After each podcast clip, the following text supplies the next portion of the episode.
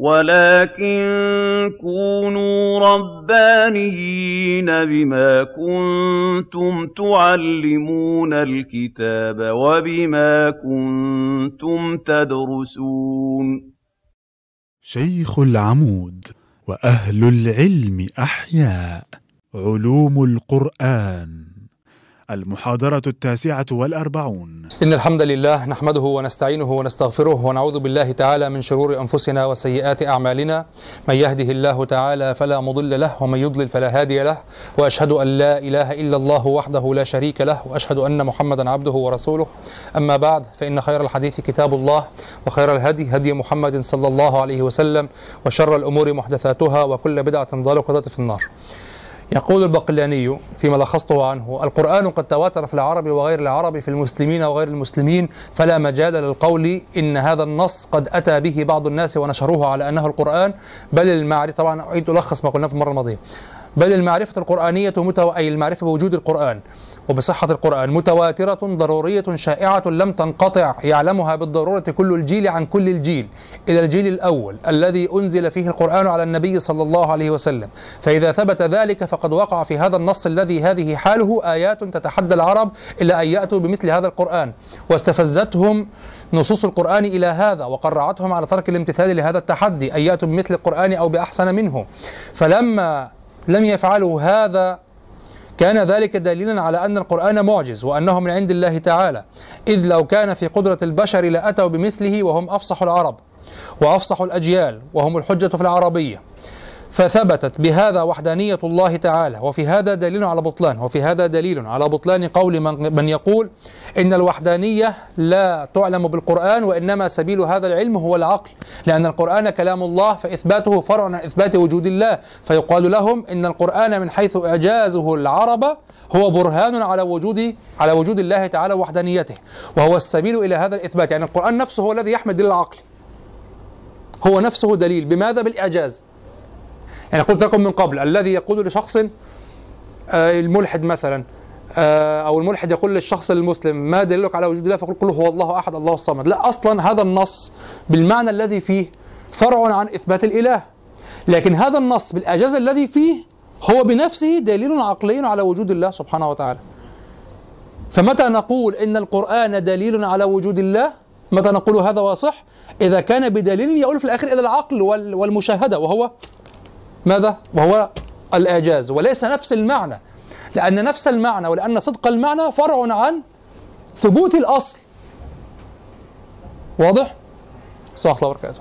وبذلك يبطل أهلا وسهلا ازيك أخبارك وبذلك يبطل ما يقال من ماذا؟ يبطل ما يقال من أن مثلا البعض يقول أن أهل السنة يقدمون العقل على النقل. لا أصلا لا عقل ولا نقل. هذه ليست قسمة ثنائية أصلا. عقل ونقل ليست قسمة ثنائية. واضح؟ لا النقل قد يحوي العقل. يعني أنت تناقش تجادل أحدا مثلا تجادل أحدا في كلام وأنت تجادله هذا نقل هذه نصوص. النصوص تحوي الدليل العقلي لأن العقل في نفسه ما هو إلا علاقات في الذهن وفي الخارج علاقات أشياء. لكن النقل هو النصوص التي تحوي هذا النص. إما عن طريق إخبار بغيبيات كما في بعض النصوص القرآنية وإما عن طريق الإعجاز اللغوي كما في كل النصوص القرآنية. نعم.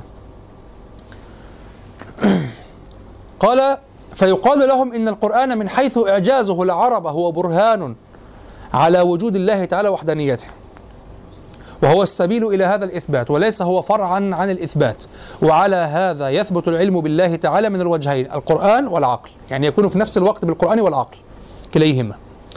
طيب هذا ما تناولناه في المرة الماضية. قضية فك الجهات قضية مهمة جدا في لكل عقل مفكر ولكل طالب علم لكل من يفكر. قضية فك الجهات فك الجهات عن بعضها. يعني بالأمس مثلا وردني سؤال آه على التليجرام على الخاص بالقناة. آه إذا كانت اللغة العربية لغة شريفة من الأول اللغة العربية لغة أنا قلت طبعا اللغة العربية لغة مرنة وعبد القاهر يقول اللغة العربية هي التي يتأتى فيها النص المعجز ولهذا الكتب الأخرى السماوية ليست معجزة لماذا؟ لأن اللغات الأخرى التي نزل عليها الكتب الأخرى ليس فيها من التفاوتات بين والمرونة الشديدة بين طرائق البيان والبلاغة. ما يسمح بالتفاوت الشديد الذي تدخل طبقاته العليا في حد الإعجاز. لكن عبد القاهر واضح. عبد القاهر منذ قرون واضح؟ طيب فوردني سؤال بالأمس من إحدى الأخوات الفضليات. تقول إذا كانت اللغة العربية كذلك من قبل فما الذي أتى به القرآن؟ يعني كان المفترض أن القرآن يأتي يشرف اللغة العربية بميزات لم تكن فيها. فإذا كانت اللغة العربية من الأول تتفاوت بلاغتها شديدا فما فما الذي أتى به القرآن جديدا؟ لا هذا عدم انتباه للفرق بين يعني هذا وهذا خلط وهذا يحدث كثيرا أصلا ودائما في الأول نخلط هذا الخلط. بين الإمكان والحدوث. فرق بين الإمكان القوة الكامنة واضح؟ أو القوة القريبة وبين الحدوث. اللغة العربية شريفة من حيث قواعدها في الأول أنها تسمح بالتفاوت لكن لم يقع التفاوت الفعلي. فهمتوا الفرق؟ فرق بين لغة تسمح ولذلك يفرق الدارسون العصريون لابد أن يفرقوا بين اللغة وبين الكلام النصوص. بين اللغة التي هي أصل اللغة نحو وصرف وبين الكلام. اللغة والنحو والصرف هذه بطاقات أو هذه هذه كما أقول بطاقات جواز. يعني يمكنك أن أن تتجوز بها أن أن تمر بها بطاقات مرور لكن لم تستعملها. واضح؟ طيب. حتى مثلت بآل عيب صباح. عيب صباح قصيدة جميلة جدا ورائقة وتعجبنا وتسكرنا واضح؟ طيب. ولكن ولكن هل كانت اللغة العربية لا تحتمل وجود ألا عم صباحا قبل وجود ألا عم صباحا؟ ما الذي أضافته ألا عم صباحا؟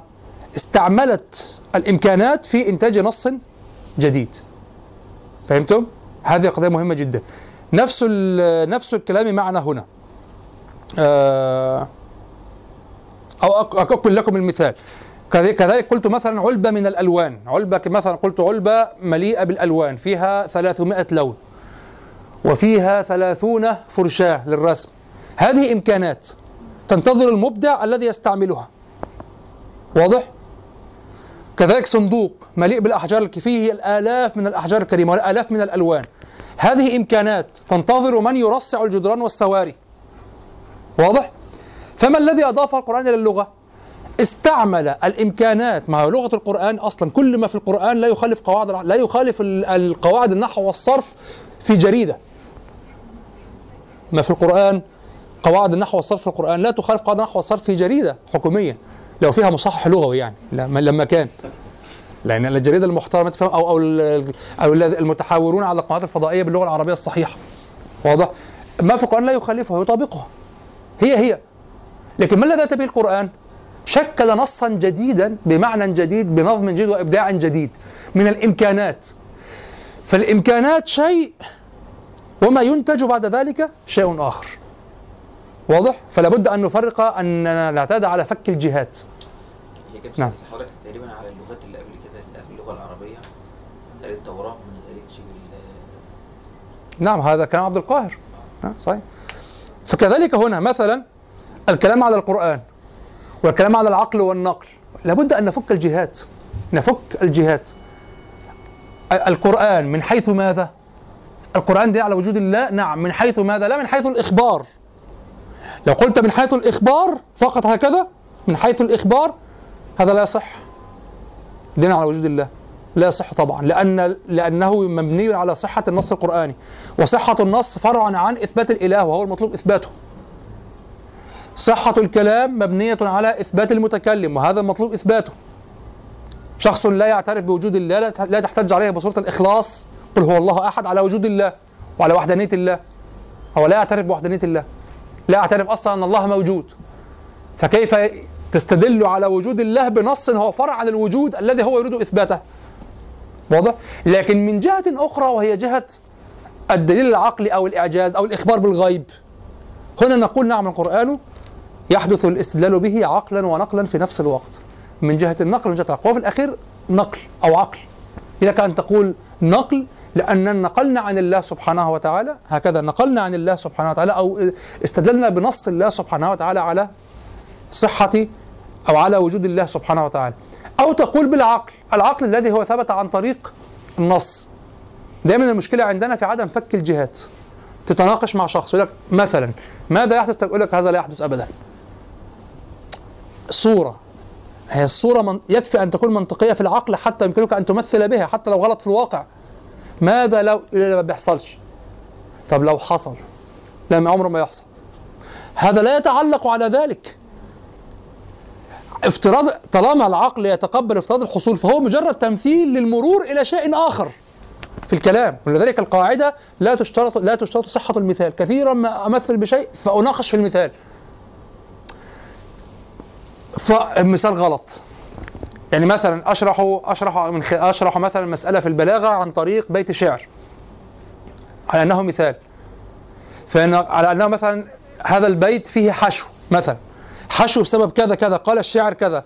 فيناقش بعضهم في أنه ليس حشوا هنا لا على فرض أن هذا حشو هذا مثال. واضح؟ فالمثال لا تشترط ما الذي تشترط فيه الصحة؟ الشاهد الدليل. الدليل. فرق في اللغة بين الشاهد والمثال. هناك شاهد وهناك مثال. ما في كتب البلاغة أمثلة لا شواهد. ما في كتب النحو شواهد. ما في كتب النحو لما قلت دليل القاعدة كذا دليل القاعدة كذا هذا اسمه شاهد يعني دليل. يعني جزئي تثبت به القاعدة. جزئي يعني بمعنى العام مثال من أمثلة الأدلة. مثال جزئي تثبت به القاعدة. المثال جزئي توضح به القاعدة لذلك ما في كتب البلاغة كلها ماذا؟ أمثلة ليست شواهد لماذا؟ لأن البلاغة قواعد ذوقية عقلية وليست أدلة حتى لما أستدل على شيء معين يعني مثلا لما أقول قضية وحدة البيت الذوق العباسي يقول آه الذوق العباسي يقول البيت يستقل تماما عما قبله وعما بعده وكذا وكذا. وأنا أرى في كلام القدماء ما يخالف ذلك. فقد يحتج علي بهذا الكلام. فيقال لي ولكن أنت قلت أو الجميع يتفقون على أن البلاغة ليست البلاغة ليست كالنحو ليست أدلة كالنحو ليست نقلية وإنما هي عقلية. ولهذا نحن نضع القواعد الذوقية العقلية ونحكمها حتى في أشعار الجاهلين نقول انظروا نقول لك لحظة أنا لا أستدل على هذا. ما قد يخطئ الشاعر وقد يأتي بخلاف الجودة. وإنما أستدل أستدل على أن هذا الذوق موجود مقصود في القديم وأنه اختلاف ذوقي أصلا من الأول. لما أرى في الشعر القديم ما يخالف ما تقول به. أن الدليل ليس قول الشاعر كذا ولكن استحسان العرب بالضبط. العرب يستحسن هذا. فأنا أستدل على اختلاف الأذواق في هذا الأمر وأن الأذواق القديمة تستحسن هذا. بل لو أطلقت القضية للعقل سأثبت خطأ الفكر العباسي في هذه المسألة. ودعك من أستدل بالقرآن. يعني القرآن أصلا يقوم على هذا. فروقات واستدل به ابن الأثير. قال فروقات صوتية هي الفواصل ولا تتم المعاني بعد. ليست كل آية بالعكس. أنت عندكم في سورة الصفات التي نتدبرها الآن آه مثلا من دون احشروا الذين ظلموا وأزواجهم وما كانوا يعبدون. آية. من دون الله فاهدوهم. وأنكم لتمرون عليهم مصبحين. آية. وبالليل أفلا تعقلون؟ في موضوعين. واضح فالكلام يتم. يتم في أول الآية تليها وكذلك في المائدة. وفي كثير من الصور الكلام لا يتم إلا في الآية التالية أو لا يتم على مدار آيات. واضح؟ فدعك من هذا الاستدلال. حتى بالعقل حتى بالعقل. أنت حينما تأتي ببيت وتقول أريد لهذا البيت أن يستقل أنت جئت بهذا البيت على أنه في قصيدة أو أنه متفرد. وما الفرق؟ لا طبعا هناك فرق. لأن الذي يضع بيتا في داخل قصيدة والذي يقرأ آية في داخل سورة إنما يقرأه على أنها من فوائد المصلين أين الاستقلال؟ تكفر بالاستقلال. تكفر بالاستقلال مع أنها تمت آية. آية. تمت آية متفق عليها آية. وتقف عليها في القراءة. آية ولها صوت ينسجم مع سائر الصورة ينبغي أن لا تهدر الصوت بعدم الوقوف عليها. لذلك البعض ماذا يفعل؟ يقف عليها يأتي بالصوت ثم يعيدها. ورع زائد. إذا مت بعد للمصلين إذا مت بعد هذا قدر الله. ولن تحرف القرآن يعني القرآن مكتوب ومتداول ومحفوظ وما تخافش. متى تعاقب؟ لو أنك في آخر قراءتك الجهرية في الصلاة وقفت على المصلين وخلاص. وقفت على المصلين. أو صليت الفجر وحتى لم تقرأ سرية حتى نحسن بك الظن. صليت الفجر وفي الركعة الثانية قبل أن تركع وقفت على المصلين. لا تعاقب يعني ماذا قصدت؟ واضح؟ فكذلك الأبيات أنت تأتي بالبيت في بنية أنه في داخل قصيدة فيتعبأ بالمعنى من حيث كونه متصلا بالقصيدة أم خارج القصيدة؟ الشاعر يصنف على أن القصيدة تقرأ كاملة. هذا الأصل. الشاعر يصنف البيت في داخل القصيدة على أنها قصيدة وتحكمه المعاني داخل القصيدة. وما ينسجم البيت مع قبله وما بعده. مع الذي قبله مع الذي بعده. هذه هذه مقتضيات كونه يضع الشعر في القصيدة. أما أن تأتي وتضع قصيدة وتتعمد في كل بيت أن يصلح أن يقرأ في الخارج هكذا هناك شيء آخر تدخل على صناعة القصيدة. شيء غير طبيعي شيء صناعي صح؟ كمن مثلا يتعمد أن يضع لفظة معينة في كل بيت أو أن يضع لفظة في أول البيت وفي البيت التالي تكون في الأخير وهكذا. هناك أشياء حكمته غير انسياب المعاني. صح؟ شرف المعنى يتكسر بهذه البديعيات وهذه الألعاب التي تحصل. نفس الشيء في نظري أدخله في قضية الألعاب قضية استقلال البيت. إذا قصد الشاعر أن يستقل البيت في القصيدة وهو يصنع قصيدة إذا قد راقب شيئا آخر غير نسق القصيدة. فهمتم؟ فرق. وأحيانا نسق القصيدة يقتضي أن يأتي بالشرط كاملا في بيت أو بالظرف كاملا في بيت ويأتي بالمظروف أو بالمشروط في بيت آخر. ولا يكون ذلك ضعفا من الشاعر هذا مقصود لأنه يضع قصيدة. مثل مثلا ما قال امرؤ القيس فلما أجزنا ساحة الحي وانتحى بنا بطن حقف ذي ركام عقنقلي. هذا البيت معبأ بالمعنى المنسجم مع القصيدة. بشرط أن يظل في القصيدة طيب ما هو طبيعي ليس شرطا هو أصلا مصنوع قصيدة هي مصنوعة قصيدة واضح؟ لكن لو أخذت هذا البيت وحده فقط فلما أجزنا ساحة الحي وانتحى آه ماذا؟ والفاء تعقب على ماذا؟ فا ماذا؟ فلما أجزنا ما الجواب؟ واضح؟ طبعا وحده لا يعمل لكن على أنه جزء من القصيدة يعمل ومعبأ في كل قطعة منه بالمعنى. من أول الفاء ولما وأجزنا ساحة الحي وانتحى بنا بطن حقف ذي ركام عقنقلي. كل هذا منسجم جدا مع الغرض الذي قامت عليه القصيدة. أما أن يستقل لم يقصد استقلال فكذلك في داخل السورة القرآنية. في داخل السورة القرآنية. السورة مغلقة. الله تعالى إذا لم ينزلها قطعة واحدة نزولا واحدا تاما الله جمعها لك. لم يجمعها لك سبحانه لتظل تقرأها على على انفصال وعلى تقطع. لذلك كره بعض الفقهاء ألا تقرأ السورة كاملة إذا شرعت فيها. بعض الفقهاء كره كره أن تقرأ السورة أن تقرأ بعض السورة إذا قرأت سورة فأكملها حتى لو كانت طويلة. لماذا المعنى متصل؟ مراد الله جمعها لك. يعني من ضمن التدرسات ماذا كان يفعل جبريل عليه السلام؟ ينزل بالنصوص ويرتب النصوص في الصور. يعني هذا الترتيب الذي في المصحف لم ينزل هكذا كله مرة واحدة. لا هو نزل أجزاء في الصور. وهذا الترتيب كان مما يفعله جبريل مع النبي صلى الله عليه وسلم وهو يبلغه عن جبريل. واضح؟ فتشكلت هذه الصور التي نراها الآن. فالله تعالى تلقى الله تعالى جبريل عليه السلام تلقى عن الله سبحانه وتعالى هذا الترتيب. وجبريل لقنه النبي صلى الله عليه وسلم والنبي صلى الله عليه وسلم بلغه إيانا. فهذا الترتيب على هذا التسلسل شوف السند على هذا التسلسل مقصود.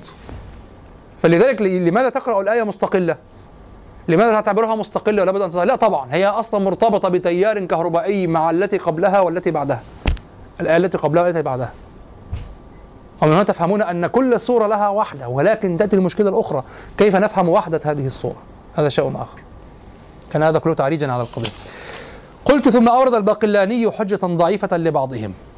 وهي ربما لم يقرأ النبي صلى الله عليه وسلم آيات التحدي على العرب وإنما قرأ عليهم غيرها. يعني لماذا لم يأتي العرب بمثل القرآن؟ ربما النبي صلى الله عليه وسلم لم يتح له أن يقرأ آيات التحدي على على العرب على غير المسلمين يعني. حجة ضعيفة تشعر أن البقلاني يغلق الأبواب كلها من كل ناحية. لا يريد أن يضع شبهة حتى لو بلهاء حتى لو متخلفة. مش حجة متخلفة. النبي صلى الله عليه وسلم لم يبلغ العرب آيات التحدي. وهي حجة تافهة متهافتة لأن لأن التواتر المذكور يشمل القرآن جملة وتفصيلا. وهذا العلم الضروري الحاصل من جيل إلى جيل لا يجوز أن تفوته آيات التحدي أو غيرها من الآيات. التحدي القرآن متواتر يعرفه العرب جميعا. ليس شرط أن يبلغ هكذا وإن كان كان يحدث تبليغ أصلا. لكن ليس شرط أن كل كلمة أبلغها هكذا حتى تصل. لم يبلغ كل عربي هكذا. لا نزلت وبلغ البعض وانتشر. وتواتر فالتواتر يشمل القرآن جملة وتفصيل. جملة يعني القرآن الموجود بين أيدينا المصحف. وتفصيل يعني بما فيه بالتفصيل. كله وصل العرب على التواتر على وجه التواتر.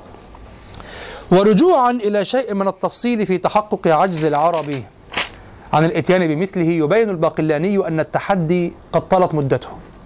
التحدي قد طالت مدته. وانفسحت الفرص للإتيان بمثل القرآن لو حتى عشان لو كان في شعراء مثلا منقحين يعني يصنعوا الشعر ويقعدوا على القصيدة سنة معك سنة سنتين. براحتك عدى سنين كتير عشان تصنع قصيدة حوليات حوليات. ائتي بحوليات. واضح؟ قد طالت مدته وانفسحت الفرص للإتيان بمثل القرآن لو كانوا قادرين عليه. ومع هذا فقد تركوا المعارضة أو أخفقوا فيها وسلكوا سبيل الحرب والعداء العسكري والمخاطرة. ولا يمكن أن طبعا نفس كلام عبد القاهر الذي قاله بعد ذلك. ولا يمكن أن يفهم أحد من العقلاء احتمال اختيارهم ذلك مع قدرتهم على المعارضة. هذا فضلا عن الطعن في شرفهم اللساني اللغوي وما أدرك ما شرف العرب أو ما شرف البيان الذي تتفاخر به العرب ويستعلي بعضها على بعض. ولهذا ذهب البقلاني إلى أبعد من هذا وهو أن البلاغة التي أتى عليها القرآن من شأنها أن تستنفر العربية إلى المبادرة والمنافسة وإن لم يقع التحدي. يعني طبيعة العربي الذي يقرأ وهذا أجدوه فيهم يعني في في قصصهم القديم وكذا. الذي يرى النص الذي يعني هو على هذا المستوى من البلاغة دون أن يتحداه النص أو صاحب النص هو سيسارع إلى الاستعلاء عليه. يعني بدون شيء أصلا. يعني الشعراء بطبيعتهم يتنافسون بمجرد تذكرون قصة حسن بن ثابت رضي الله عنه لما دخل على نعمان بن المنذر وعنده النبيغة الذبياني وأنشد النبيغة الذبياني وكذا قصيدته المعلقة. وفي رواية أنها قصيدة أخرى ذو حسن تقريبا لا أتذكر. لكن لعلها المعلقة الرواية المشهورة أنها المعلقة. فيقول فلا أدري على أي شيء أحسده. حسان يقول على النابغة لا أدري على أي شيء أحسده. على قصيدته أم على الإبل التي أخذها؟ أخذ مئة إبل ليس عند العرب مثلها. واضح؟ بأحمالها بكذا بنساء بعبيد. على المعلقة غالية أوي المعلقة ده. ابن القاسم ما خدش حاجة؟ ابن القاسم مات. ابن القاسم مات. مات غريب يعني. النابغة شوف شوف الفرق السياسي شوف النابغة كان يتقرب إلى النعمان بن المنذر بالشعر. امرؤ القيس كان يسترجع ملكه. نحال ملكا أو نموت فنعذره. واضح؟ ولم يأخذ شيء على قصيدته. مع ذلك هي أجود. كما قال في أول مقام من مقامات بديع الزمان الهمذاني لما كان يسأل عن الشعراء وكذا فقال سابقهم أو أولهم آه الذي لم يقل رغبا ولا رهبا ففاق أو ففضل من تفتق للحيلة لسانه وانتجع للرغبة بنانه. يعني هو ما قال راغبا ولا راهبا كما قال علي بن أبي طالب جملته المشهورة عنه. لما سألوه أي الشعراء أشعر فقال لم أضعهم في مضمار أمامي حتى أعرف. لكن إذا كنت لابد قائلا فالذي آه الذي لم يقل راغبا ولا راهبا الذي لم يقل راغبا ولا راهبا. نعم هكذا قال لم يقل رغبا ولا رهبا أو لم يقل راغبا ولا راهبا. لأن الرغبة والرهبه تدفعك إلى إلى التحقيق والتحسين والتحبير وكذا. فقال هو لم يقل راغبا ولا راهبا. لا راهب من أحد ولا راغب في أحد. ومع ذلك فضل من تفتق للحيلة لسانه وانتجع للرغبة بنانه. يعني كأنه النابغه وزهير وال... فشوف معلقة النابغه غالية جدا يعني. صح؟ فيقول حسان بن ثابت رضي الله عنه فما أدري على أي شيء أحصده أعلى قصيدته أم على ما أخذه من الإبل من الهدية أو العطية يعني. واضح. فالعرب يتحاسدون في هذا ويعلو بعضهم على بعض في هذا. واستمر هذا إلى مدة طويلة جدا حتى أن تعرفون لبيد بن ربيعة رضي الله عنه لبيد بن ربيعة طال عمره في الإسلام جدا حتى مات في عهد معاوية. تخيلون؟ لبيد بن ربيعة مات في عهد معاوية بن أبي سفيان. فكان رجلا مسنا جدا وأسند الخبر آه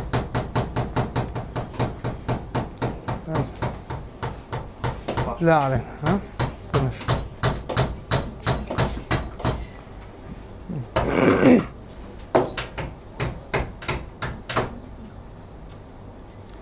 أسند الخبر لا نستنى أخونا مش هنغدر بيه. مم. نفس الحالة لا خليك معاهم براحتك اطلع من غير استئذان. ودكتور وفي حالة دكتور بتاع أطفال مبتسرين ففي حالة بيتابع معاها. طيب. ماشي مصرية معروفة جدا. مش مدلة الألفاظ؟ ماشي مصرية عارفين ماشي مصرية وإن شاء الله. ماشي وربنا يسهل. وخمس دقايق. في معجم. معجم مصري معروف ماشي. ماشي يعني إيه معناها؟ هكمل دقة وخلاص بسرعة بسرعة. مش هطول مش هدق على الفاضي. يعني ماشي يعني مش هدق على الفاضي. ما فيش حد بيدق على الفاضي انت مش عيل صغير مش هدق على الفاضي. ده هي دي ماشي. المهم ال- في مقدمة الطبقات طبقات آه، أو في الحديث عن امرئ القيس لعلها في مقدمة الطبقات. المقدمة طبقات آه، حل الشعراء لابن سلام. آه، إن لبيد بن ربيعة كان في عهد. طبعا كما قلت هو طال عمره ومات في عهد معاوية وكان كان رجلا مسنا كبيرا عجوز كان يسير. فقوم ارسلوا أرسلوا غلاما لهم يعني في إثره يسأله أي الشعراء أشعر؟ فقال الملك الضليل. فرجع فقالوا اسأله ثم من؟ فذهب قال ثم من؟ قال الغلام القتيل. طرف من العبد. فرجع ثم رجع إليه. قال يعني ثم من؟ فقال الشيخ أبو عقيل. أبو عقيل يعني نفسه. فانظروا إلى قضية ال ال ال إلى حساسية الفحول الشعرية عندهم والسؤال واستمر هذا إلى عهد متأخر وكذا. وهذا وهذا معاوية بن أبي سفيان يقول دعوا لي طفيلا. طفيل الذي هو في مقام آه، يعني في الشعر في مقام جد زهير بن أبي سلمة. دعوا لي طفيلا فإن شعره أشبه بشعر الأولين من زهير. أصلا هو هو بعد الجاهلين في أولين وآخرين. يعني زهير ليس من الأولين وطفيل ليس من الأولين. طفيل شعره يشبه شعر الأولين. وانظروا إلى هذا الميل العنيف للقديم. دعوا لي يعني هو يشعر أن الشعر بعد هذا لأن وصارت له أشكال أخرى. دعوا لي زهيرا دعوا لي طفيلا فإن شعره أشبه بالشعر الأولين من, من زهير. زهير قبيل الإسلام وطفيل قبله بمدة واضح؟ ثم هناك الأجيال التي قبل زهير قبل طفيل. طفيل الغنوي واضح؟ فهناك حساسية جهة الشعر وكذا. فبعد ذلك تقول إنه يخرج نص في العرب دون حتى أن يتحدى. دون أن يتحدى ولا يحاول أحد أن يتحداه هذا الطبيعي أن يتحداه فكيف إذا كان هذا النص يستفزه للتحدي وتمر مدة طويلة واضح؟ طيب. عرفت بقى ماشي؟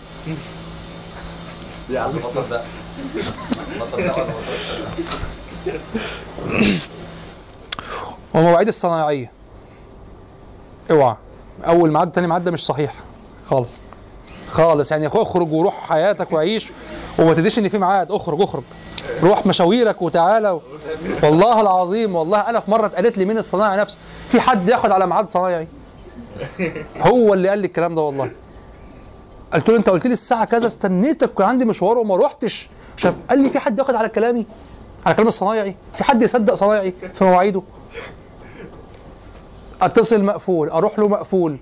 طب مش في ميعاد بينا مش عارف إيه، عدى يومين هو مختفي بعدين يظهر بقى يلا هنعمل بقى الشغل. طب في حد ياخد على ميعاد؟ هو صنايعي بيعمل إيه؟ بيشبط مواعيد عشان بيربط كلام عشان ما تروحش منه. فبيديك وعود مش صح. فهمت؟ دي اعراف لازم تعرفها يعني. المهم. آه. ولهذا ذهب الباقلاني إلى أبعد من هذا وهو أن البلاغة التي أتى عليها القرآن من شأنها أن تستنفر العربية إلى المباراة والمنافسة وإن لم يقع التحدي. فكيف إذا وقع التحدي ووقع تقريعهم على ترك الاستجابة؟ وأما من جهة النقل فيقول الباقلاني هذا صفحة 25 صفحة 25 عايز يفتح الكتاب. طبعا 25 في الكتاب غير 25 في المقدمة التحقيق. الأرقام التي في أعلى الصفحة.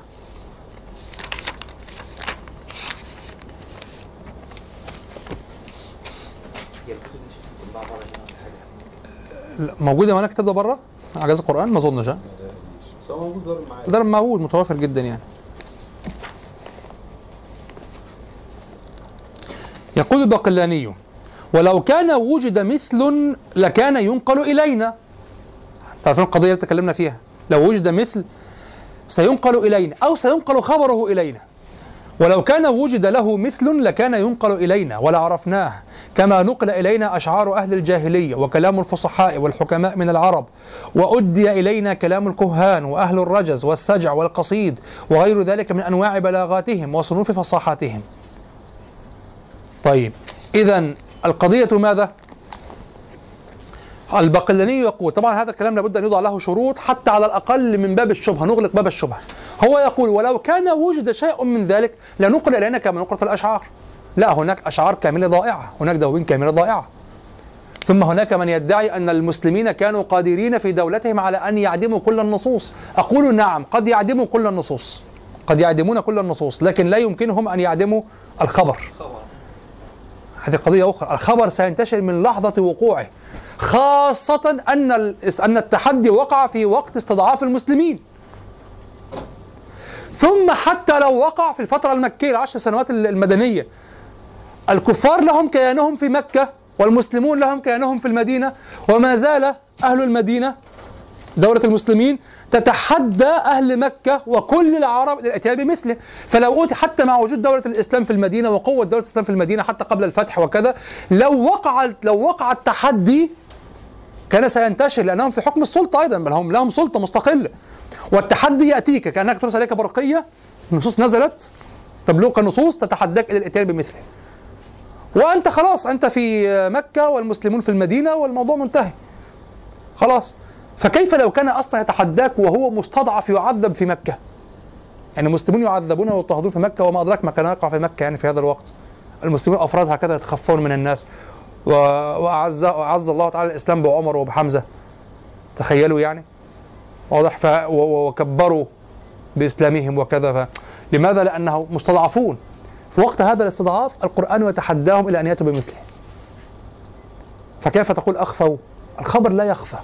هذا كله بالمناسبة على التنزل الشديد الخبر لا يخفى على أي مستوى أصلا حتى لو وقع في الدولة دولة الإسلام الخبر لن يخفى سأسلم تنزلا بأن المسلمين يمكنهم أن يعدموا كل النصوص. لأنك تستدل بأنهم أعدموا كل النصوص التي كانت في هجاء النبي صلى الله عليه وسلم. سأسلم وإلا تنزلا افتراض. وإلا فهناك عوامل كثيرة لضياع هذه النصوص أصلا. يعني ربما المسلمون أعدموا عدة قصائد قليلة بعد ذلك. لكن قبل ذلك من قال إن الشعر حفظ إن هذا الشعر حفظ؟ كان له غرض معين. من قال إنه كان ينبغي أن يحفظ من حيث القيمة الأدبية أصلا. أو ربما تبدد وحده مع دولة الإسلام ولم يقصدوا أن يدفنوه. تبدد وحده. لماذا؟ لأن الشعر ديوان العرب يدونون. فماذا يدونون في هذا الكلام؟ لن يطيق أحد قراءة نص في هجاء النبي صلى الله عليه وسلم حتى لو كان نصا عاليا. يقرأ في الفحش يقرأ في في الخنا في الخمر. يمكن. لكن لا يمكنه أن يقرأ نصا في هجاء النبي صلى الله عليه وسلم وأن يشرح نصا في هجاء النبي صلى الله عليه وسلم لأجل علوه يعني. علوه البلاغي. فحتى لو لم يدفنوه بأيديهم هكذا سيتبدد. تبدد أكثر الشعر فأقول هذا تنزلا. فأفترض أنهم دفنوا الشعر. أين الخبر؟ فلذلك يعني كلام البقلاني لو يحش عليه بذلك يكون أفضل يعني. أن يقول هو يقول لو كان لو كان وجد هذا الشعر لنقل الينا كما نقلت الأشعار. لا سيرد على البقلاني بأن هناك من الأشعار ما ذهب. أكثر الشعر ذهب أصلا. محمود شاكر يقول في المقدمة مقدمة كتاب مالك بن نبي يقول آه، له الظاهرة القرآنية يقول آه، أصلا الشعر الذي وصلنا الآن ليس هو القليل الذي تكلم عنه أبو عمرو بن العلاء. عمرو بن العلاء ماذا يقول؟ يقول ما بلغكم مما قالت العرب من الشعر إلا القليل النادر إلا القليل. ولو وصلكم ما قالوه لو بلغكم ما قالوه لبلغكم علم كثير. يعني أصل أبو عمرو. ثم الذي وصل إلينا قليل مما قال فيه أبو عمرو هذا الكلام. قليل القليل يعني هذا هذه الدواوين التي بقيت يعني ما هو مطبوع عندنا في المكتبة الآن مكتبة الشعر ليس هو الذي كان موجودا أيام أبو عمرو بن العلاء. أبو العلاء كان راوي كان هم عصر الرواية. بعد ذلك وقعت وقعت أحداث التتر ووقعت وهناك دواوين كانت هناك أخبار عنها وذهبت. واضح و- والأنهار ذهبت بهذه الدواوين وكذا واحترقت مكتبات وخلاص ذهبت هذه الدواوين وضاعت دواوين دواوين ضاعت في أحداث في أحداث عادية يعني ضاعت دواوين واضح عمرو بن لما قال هذا الكلام كان الشعر في زمنه أضعاف ما هو عندنا الآن فمحمود شاكر يقول أصلا نحن ما بلغنا إلا قليل من القليل الذي تحدث عنه أبو عمرو بن العلاء. واضح؟ فالأحداث تضيع الشعر لا بأس. لكن تبقى الحادثة. تبقى الحادثة. أين الحادثة؟ هذا هو. هنا حتى علقت وقلت أقول محمد رشيد يظهر لي أنه قد قيل ما لا يرقى ولا يقترب. يظهر لي أنه قد قيل من الشعر في تحدي القرآن ما لا يرقى ولا يقترب من القرآن يعني لأن هناك قطعا النصوص قد قيلت أنا الأستاذ محمود شاكر رحمه الله وبعض العلماء يرجحون أن أنه لم يقل وهذا ظاهر كلام الخطابي أنه لم يقل شعر أصلا. لم يقل شعر يعني هم علموا في قارة أنفسهم أنهم إذا قالوا كلاما سيكون أقل من القرآن. يعني هم قبل أن يقولوا نظروا. فوجدوا أن هذا النص لا يتحدى. كما مثلا لو قلت لشخص الآن مبتدئ في الشعر مثلا قلت له أتحداك مثلا أن تأتي تكتب الآن ثلاث قصائد كقصائد امرئ القيس. الثلاثة. واضح؟ لو كان عنده ذرة عقل سيقول لن أفعل. فماذا لو قال سأفعل؟ هذا أرعن ولا يعني لا يحترم لغته. وأرعن لا يعرف لا يعرف مستوى اللغة أصلا لا يعرف قضية اللغة والأدب أصلا. سأفعل وسترى. وفي أسبوع واحد. واضح؟ مباشرة. محمود شاكر محمود شاكر يقول ماذا؟ يقول العرب كانوا أمة تحترم نفسها. وتحترم لغتها. فلذلك لم يأتوا بشيء. أدركوا قبل الفعل قبل أن يقدموا نظروا في القرآن أو سمعوا القرآن فأدركوا أنهم لن يستطيعوا أن يأتوا بمثل هذا النص. طبعا هذا كلام قوي ومنطقي يعني له له وجهاته أقصد يعني. له وجهاته يعني ليس كلاما يعني آه، ساقط من كل وجه. ولكن تعكر عليه قضية وهي ماذا؟ أنك تحدث قدرا عظيما من العرب. تحدث العرب والعرب يتفاوتون جدا حتى في إدراك الشعر نفسه. وهناك قطعا من ستغره نفسه سيحاول أن يقول كلاما ويكون شاعرا أيضا. يكون شاعرا. ويظن أنه يمكنه أن يأتي بمثل هذا القرآن. لكن أن تتخيل أن مجتمعا كبيرا العرب ليس في مكة في مكة فقط مكة وخارج مكة كل شبه الجزيرة العربية. كل جزيرة العرب. ليس فيها من تغره نفسه ومن يحاول ومن يظن أنه يستطيع هذا فيه غرابة. ولذلك ظني أن هناك البعض قد حاول كما قلت لكم مرارا من قبل قد حاول ولكنها لما لم ترقى اندثرت ولم يتعمد المسلمون إخفاءها. هي اندثر أصلا اندثر ما هو أعلى منها أصلا. وتذكرون أنني وضعت احتمالا هكذا احتمال وضعت احتمالا. فقط وضعته للتفكير وليس للتقرير. قلت لعل لعل بعض القصائد والأشعار التي في دواوين الشعراء المخضرمين إن الذين كانوا في الجاهلية والإسلام هي محاولات لهذا الشاعر في التحدي ثم جمع شعره. وكانت منها هذه القصائد يعني هو قال شعرا قبل الإسلام ثم حاول أن يتحدى القصائد السور القرآنية فقال أشعارا واضح نعم لم تتحدى القرآن سقطت وظيفتها من هذه الجهة لكن لم تسقط من كونها من ديوانه وأنها أشعار عالية. فبقيت في الديوان. الله أعلم أقول لعل لعل. ما الذي يمنع؟ الذين تحد هم الشعراء. والشعراء الذين تحد الذين هم المخضرمون هم الذين عندنا دواوينهم الآن شعراء المخضرمين. فما الذي يمنع أن تكون بعض القصائد كذلك؟ وما, ال... وما الذي سيمنعهم من تدوينها من وضعها في ديوانه وروايتها عنه إذا كانت قصيدة من قصائده؟ أقول لعل. طبعا الواحد عنده فضول يروح يقرأ أشعار المخضرمين ويشوف بقى أنهي قصيدة يحاول يتحدى بها القرآن. واضح؟ أقول لعل. اتفضل لو هم في محاولات وكده ولم ترقى للمستوى ليه الصحابه ما قالوهاش عشان يوروا الناس ان هم حاولوا وما عرفوش هو يقول طيب إذا كانت هناك قصائد دون المستوى لماذا؟ لماذا لم ينقلها الصحابة ليبينوا أن هذا أمر شرحي؟ يعني هذا للشرح والعرب لم يكونوا يحتاجون كذلك. ولهذا أنا أطعن أنا أطعن أصلا في روايات هي أصلا ساقطة من اسانيد لا اسانيد لها. العربي كان يستحي إن هو أصلا يطلعها ساعة ما ألفها يستحي إنه يطلعها ويوري للصحابة أصلا. لا ربما أخرجها وربما عرفها الناس. ربما عرفها الناس ربما وإن كان هذا كلام يخالف كلام الجاحظ يعني. لكن ربما أخرجها وربما عرفها الناس. لكن سقطت وظيفتها فصارت كغيرها من القصائد يعني هي في الدلالة كغيرها من القصائد. يعني ليست هناك ميزة لهذه القصيدة التي جاءت أقل من القرآن لأنها وقفت مع أخواتها من القصائد أنها كلها أقل من القرآن. لماذا؟ لأن التحدي لما وقع للنص القرآني كان من ضمن هذا التحدي النصوص الموجودة بالفعل.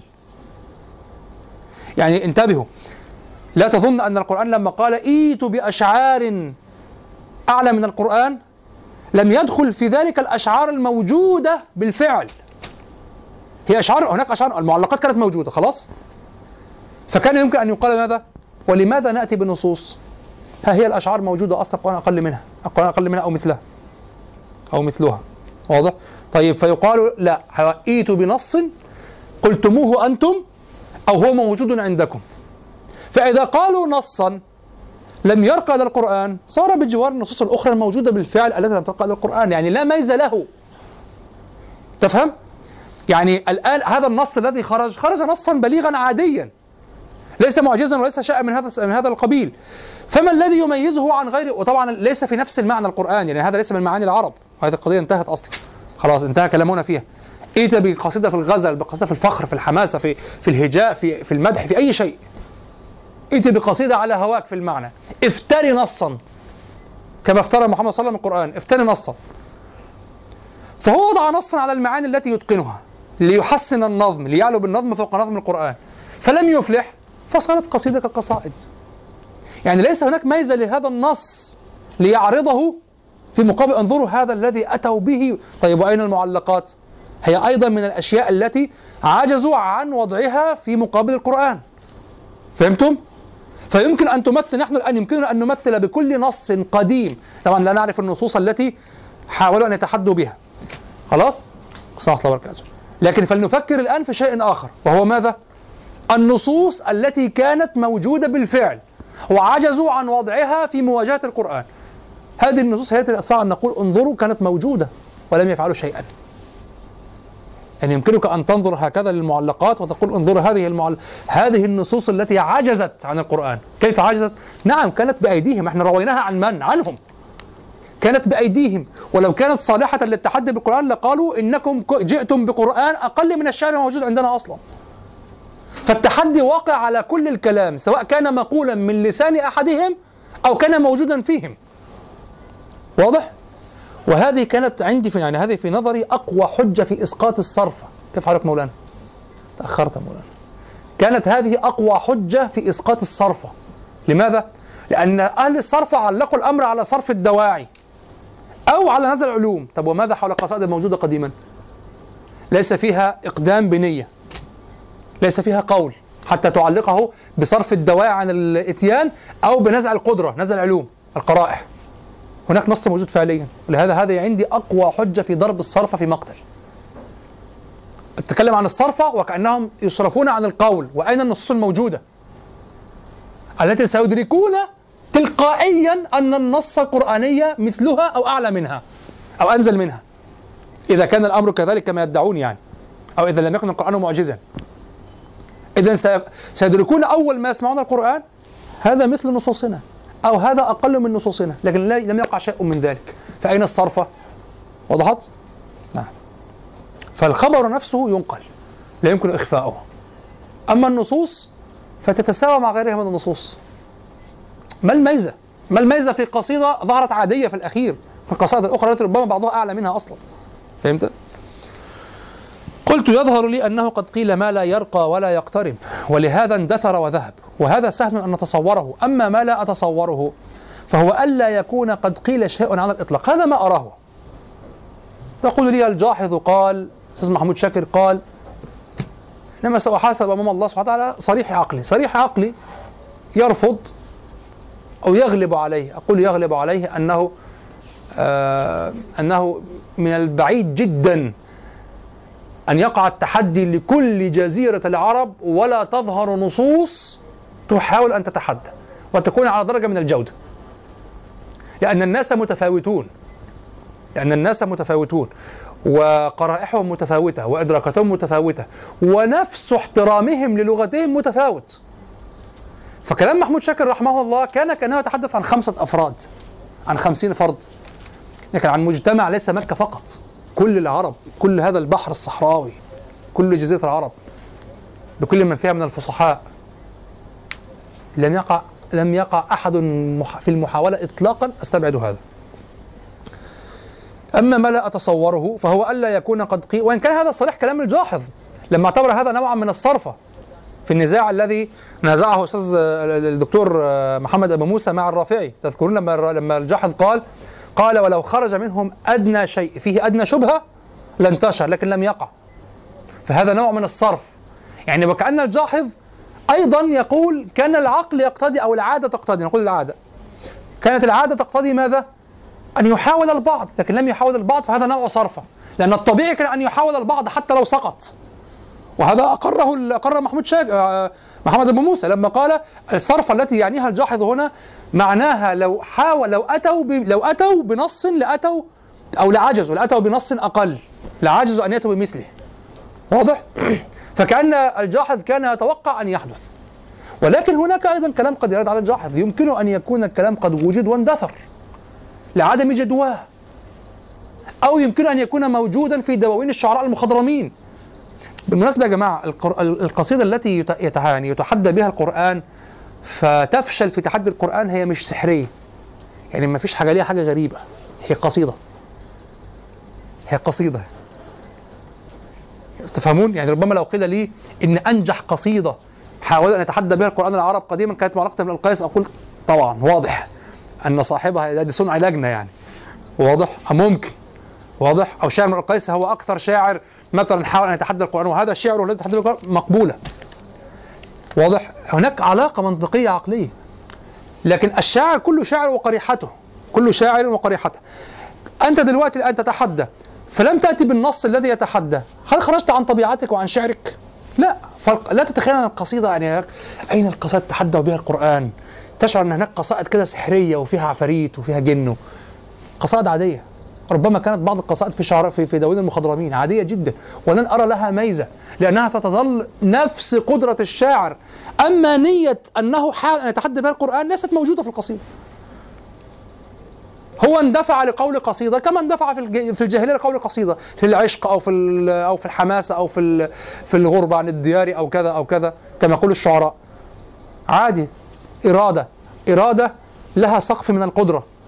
انتهت القصائد التي ليست قصائد يعني ما هذا؟ قصائد حاولوا أن يتحدوا بها القرآن. أين هذه القصائد؟ لماذا لم يحفظوها لنا المسلمون؟ عادية جدا ربما أصلا تجاهلوها. ضاع بعض هي صارت شعرا من الشعر ضاع بعضه في ال- مع الشعر الذي ضاع وبقي بعضه في شعر المخضرمين. ما الذي يمنع؟ ليست قصائد مميزة يعني ليست حريفة ليست مرة ليست حلوة قصائد عادية. نعم. ولذلك حتى يعني لا يجي يعني كلام الجاحظ يبدو في الأول قويا كلام محمود شاكر كذلك يبدو قويا وإن كان كلام الجاحظ يبدو أقوى. لكن لماذا لا يقال للجاحظ نعم ظهر ذلك ولهو لهوان الخبر اندثر الأمر؟ يعني يقول لو كان وقع ذلك لانتشر في العرب. سينتشر ماذا؟ سينتشر خبر القصائد لا خبر التحدي. فهمتوا الفرق؟ سينتشر خبر القصائد. يعني قيل لا خبر التحدي.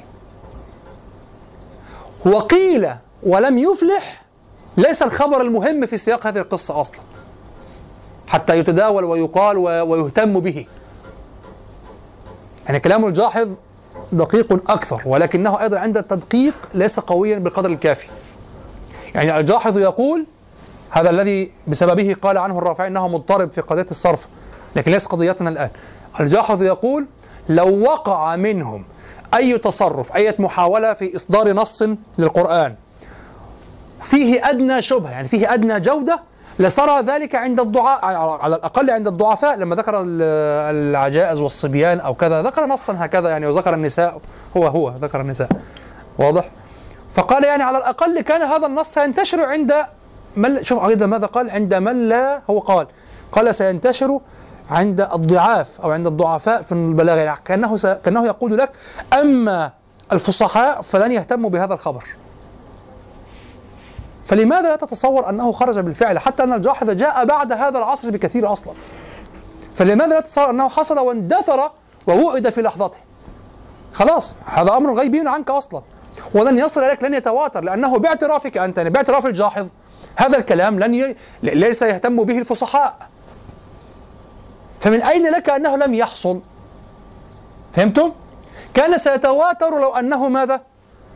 لو أنه يعني يبلغ عناية الفصحاء يعنى به الفصحاء لكن لم لم يقصد يعني هو قال لو كان فيه أدنى شبهة حتى يعني لو خرج نص جيد متوسط كان سينتشر.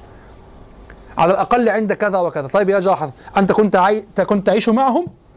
أم جئت بعدهم جئت بعدهم؟ إذا كان هذا قد حصل كيف كيف ينقل إليك؟ فهمتم؟ بعد ذلك يبقى حكم العقل والعادة والتصور. أو حكم التصور. تصوري ولك أن تنازعني في هذا أن التحدي للعرب كافة. يبعد معه ألا يخرج ولو نص ألا يحاول أحد أي كلام. أن يقول أي كلام. محمود شاكر يتكلم كانه يتكلم عن خمس أفراد أو عن خمسين فرد. يقول ولما كانوا يقدسون لغتهم أدركوا من أول وهلة من أول نظر أنهم لن يستطيعوا أن يتحدوا هذا القرآن لا أن يفوقوا عليه ولا أن يأتوا بمثله فاحترموا نفسهم ولغتهم ولم يأتوا بنص إطلاقا. طيب وهذا المجتمع العربي الواسع الكبير ليس فيه من لا يحترم نفسه؟ ليس فيه السفيه الذي يحاول؟ ليس فيه شاعر يصيبه الغرور؟ تتحدث عن مجتمع إنساني. شوف انظر مجتمع أول شيء ثم إنساني. والقاعدة في المجتمعات في الحديث عن المجتمعات عدم الاستغراق. وعدم اطلاق حكم واحد على كل الافراد بلا استثناء.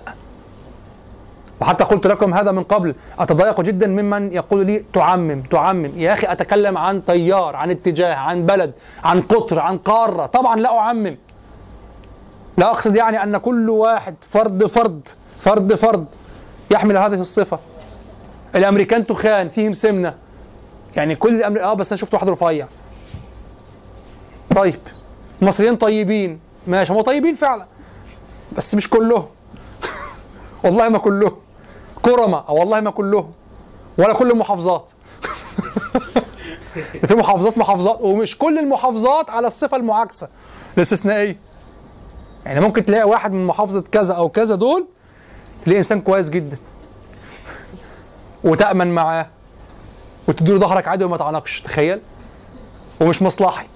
ومش وصولي ومش تسلقي من المحافظة الكبيرة دي. ممكن. يستغرب نفسه بصراحه وهو يستغرب نفسه. واضح. يعني شوف دائما كل دائرة فيها مجتمع مجتمع إنساني الإنسان أصلا عامل زي المطاط. الإنسان الواحد نفسه متناقض مش فاهم نفسه. كل مجتمع في مجتمع إنساني تستثني منه. لا يمكنك لكن يمكنك أن تعطي حكما اغلبيا. سمة عامة صفة. واضح؟ فكذلك كيف لم يأتي واحد؟ هم نعم العرب يحترمون أنفسهم يقدسون لغتهم. كيف لم يأتي واحد من العرب؟ القدماء لم يحاول أن يتحدى القرآن. فأستبعد هذا الكلام في الحقيقة. أنهم لم يأتوا بنص واحد لا. إلا لو قلت بالصرف. صرفوا جميعا. أقول ماشي موافق. ولعل هذا هو الذي نعم لعل ماذا؟ هو نص كلام الجاحظ. لما قال صرفوا وحاول أن الدكتور الاستاذ محمد أبو موسى الدكتور محمد أبو موسى حاول أن أن يرد عنه الموافقة للنظام في هذا وأن يرد عنه صفة الاضطراب التي ألحقها التي ألحقه بها من؟ الرافعي صح؟ تذكر؟ نعم فقال الصرفة عنده إذا أراد أن يأتي لم يفعل يعني لا سقط أتى بأقل من نص قرآني والصرف عند النظام لو أراد أن يأتي لأتى بمثله أو بأعلى منه أو لأتى بمثله واضح؟ طيب ليس قضيتنا الآن أصلا. هناك صرف إذا إذا الجاحظ لما اعتقد أولا أنه ليست هناك نصوص إطلاقا قال بالصرف. قال صرف. ولما كان من الأول يحارب الصرف التي عند النظام نسبه الرافعي إلى إلى ماذا؟ إلى اضطراب. قال مضطرب في قضية الصرف. أستاذ محمد أبو موسى قال لا. قال وحاول أن يفسر كلام الجاحظ.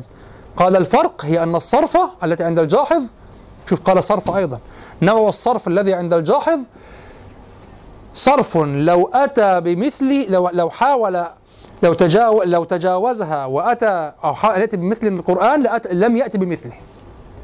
اذا صرفة الجاحظ التي تدافع عنها دكتور محمد بن موسى تثبت أيضا أن القرآن بليغ وعالي وأن بلاغته تفوق بلاغة البشر. وصرفة النظام تثبت أن بلاغته من جنس بلاغة البشر أو يعني من مستوى بلاغة البشر. هذا هو الفرق لكن أثبتوا الصرف في الحالتين. ولذلك الدكتور محمد موسى هنا كان ينبغي أن يكمل البحث لأنه و- أرى هنا وقع في التناقض أو ما ينبغي أن يجيب عنه ليرتفع توهمنا للتنا... ليرتفع توهمنا للتناقض. أنت لو أقررت الجاحظ على هذا فالجاحظ متناقض. لأن وقوع الإعجاز بالنص ينبغي عدم كما هذا نص عبد القاهر يقتضي يلزم منه عدم وجود الصرف كحاجز من حيث كونه حاجزا وينبغي أن يلابس النص القرآني والبلاغة القرآنية ليسقط أمامها صح؟ كما قلت لكم قمر منشق. جاءت أمامه سحابة غطته. هذه السحابة قال لها النبي صلى الله عليه وسلم بإذن الله كوني نارا. فصارت نارا. والتحم القمر قبل أن تنقشع السحابة. الإعجاز والتحدي والبينة والبرهان وقع بالسحابة أم بالقمر؟ اذا السحابة صرفتنا من حيث كونها معجزة صرفتنا عن القمر. الذي لولا السحابة لكان برهانا ولسقطنا في قدرتنا أمامه ولكن لم يحصل. فبقي كلام الدكتور محمد أبو موسى متناقضا لأنه يثبت أن الإعجاز وقع بالقرآن. وإقراره الجاحظ ودفاعه عن الجاحظ في هذه المسألة يثبت أن الاعجاز وقع بهذه الصرفة. أما كونه هذه الصرفة من النوع الذي لولاها لسقط أمام النص فهذا لا يؤثر في أن الصرف في أن الاعجاز لم يقع بالنص وإنما وقع بالصرف فهذا من علامات الاستفهام التي ظلت عندي على الدكتور محمد أبو موسى في هذه القضية وانه لم يحققها وكان يصب اهتمامه في الدفاع عن الجاحظ. لا تحير المسألة. لا تحير المسألة. واضح؟ طبعا هل أحتاج إلى القصيدة التي أقول أمجد فيها الدكتور أبو موسى وأحترمه وكذا ولا خلاص مفهوم؟ مفهوم وأنه ولد كريم وشيخ جليل وهو أستاذنا ومعلمنا وكذا ولا خلاص؟ مفهوم خلاص؟ يعني ما فيش برضه يعني خلاص مش محتاجين نفهموا إن النقد العلمي موجود وكذا وأن تضع علامات استفهام وكذا نعم واستوضع عليه علامات استفهام أيضا بعد ذلك طبيعي يعني كل التراث تسرقه وكذا نعم هناك ما ط... وهذا ما اريد العلم ينضج كذلك أصلا. ألا تترك الثغرات في في الكتب وفي العلوم؟ أن تسد وهذا هو النجاح وإلا؟ ف... يعني تخيل هكذا كتب الدكتور أبو موسى تظل هكذا ويظل الواقفون من بعيد. دون أن يحقق ودون أن يقول هنا علامة استفهام ودون هنا خطأ. حتى تنتظر شخص من أعداء الأمة يقف لك على الأخطاء. على الأقل سيظل هذا العلم وهذه الكتب للدكتور ابو موسى مبتورة عقيمة. ليس لها آه ليس لها نسل ليس لها عقب. لا الاستدراك عليها هو عقبها. هو إكمالها وإتمامها. يظل كتابه في الإعجاز الذي ألفه يظل هكذا غير يعني غير ذي نسل ويظل هكذا يعني ليس له عقب إلى أن يتدارك يستدرك عليه وتتدارك فيه المسائل التي فيها ثغرات وفيها استفهام وفيها كذا وفيها نسبة إلى أو فيها تخطئة وفيها كذا. الكتاب هكذا صار عليه عمل وشغل صح؟ غير ذلك لا. طيب. قولوا هنا ولهذا اندثر وذهب وهذا سهل أن أتصوره أما ما لا أتصوره فهو ألا يكون قد قيل شيء على الإطلاق أو يكون قد قيل هو ما هو مثل القرآن ولم ينقل ذلك وينتشر خبره فيصل إلينا وان لم يصل إلينا النص. هذا ما قلته لكم. ويرجع ويرجع الباقلاني ويرجع الباقلاني إلى الشبهة التي أجملها قبل قليل وهي أن التحدي إنما هو واقع لمن حصل فيهم. فيلزمهم دون غيرهم ممن لم يحصل لهم التحدي. آه. ويرجع البقلاني إلى الشبهة التي أجملها قبل قليل وهي أن التحدي إنما هو واقع لمن حصل فيهم يعني في العرب فقط. فيلزمهم هم فقط دون غيرهم ممن لم يحصل لهم التحدي. فيجيب البقلاني بأنه إذا ثبت العجز ممن يصح أن يقع لهم التحدي فقد ثبت بذلك أنه كلام الله. وهذا يقف عليه بالاستدلال غير من حصل فيهم. يعني أنت هل ت... فلنفترض أنك أنت الآن فصيح كفصحاء العرب. فصيح كفصحاء العرب. وقع لك التحدي في القرآن. فلم تفكر فيه. لماذا؟ أنا وجدت الذين هم مثلي في العهد المكي أو في العهد الأول آه لم يقدروا. أنت علمت هنا بالاستثناء أنك لن تقدر. لماذا؟ لأن فصاحتك من جنس فصاحتهم فهذا يكفي. بل في الزمن الواحد في البقعة الواحدة يعني أظن أظن أن عجز مكة وبني هذيل والمحيطين بمكة عن الإتيان بمثل القرآن أظنه بلغة ب- بالصرف اللغوية ليس صرف الآخرين عن المحاولة. صرف سائر الجزيرة. لم يفعلوا لم يأتي أحد بمثل هذا. ربما حاول البعض بعد ذلك ظنا أنهم قد عجزوا صدفة. أو النص لم لم يواتيهم وقد يواتيني مثلا هذا التحدي ممكن لكن خلاص. فإذا وقع إذا كان هذا العصر الأول فيه القدر الكافي الذي لو كان القرآن من جنس كلام البشر يمكن أن كان كان ينبغي أن يأتوا بمثل هذا النص فلم يأتوا. خلاص هذا حجة على من بعدهم. تفهمون؟ الحجة انتهت. يعني هو البعض يقول هذه شبهة البعض يقول هذا التحدي يلزم الآخرين فقط. الذين نزل فيهم القرآن. لماذا؟ هو تحداهم هم. لماذا يلزم غيرهم؟ أقول يلزم غيرهم لأن هذا العصر وقع فيه عدد من الفصحاء. لو كان هذا القرآن يمكن أن يؤتى بمثله لأتي بمثله. واضح؟ لو كان يمكن أن يؤتى بمثله فيه لأتي بمثله. فلم يؤتى بمثله فدل هذا على أنه خارج عن قدرات البشر. فتقول يعني أنا يعني مش بشر؟ نعم أنت مثال للبشر. والبشر الذين كانوا العينة العشوائية التي وقع بها ما يشبه الاستقراء في العصر الذي وقع فيه التحدي كانت كمية كافية من البشر في إقامة الحجة. وإلا فالبشر موجودون إلى آخر آخر الدنيا إلى آخر الحياة إلى يوم الدين. وبل مستمرون إلى ما بعد الدين. إلى بعد يوم الدين مستمرون خالدون إلا على قول البعض. واضح؟ فالبشر جميعا خالدون لكن أين استخلد؟ الله أعلم واضح؟ ها المهم أين استخلد؟ فالبشر خالدون بأرواحهم وبأجسامهم وكذا خالدون أتوا من عدم وخالدون خلاص؟ طيب ولكن العينة الفصيحة التي كانت موجودة في العهد المكي أو في العهد النبوي العهد الأول عموما هي عينة من البشر كافية في إقامة الحجة على الجميع لماذا؟ لأن ما تتوقعه كل ما كل احتمال تتوقعه أنت في أن تأتي بمثل هذا القرآن هو موجود فيهم لأنه مجتمع لم يتحدى القرآن واحد أو اثنين. كان هناك مجتمع عربي فصيح أعلى منك فصاحة وعدهم في الفصاحة أكثر عدد الفصحاء أكثر وكذا وكذا ولم يستطيعوا أن يفعلوا مع وجود الدواعي أن يفعلوا.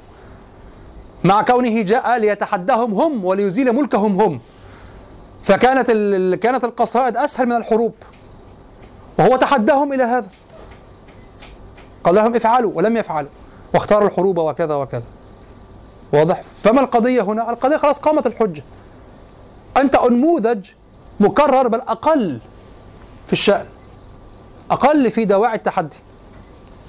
طيب. قال بأنه إذا ثبت العجز ممن يصح أن يقع لهم التحدي فقد ثبت بذلك أنه كلام الله وهذا يقف عليه بالاستدلال غير من حصل فيهم فلا يطالب كل أحد أن يقف على إعجازه بقريحة نفسه.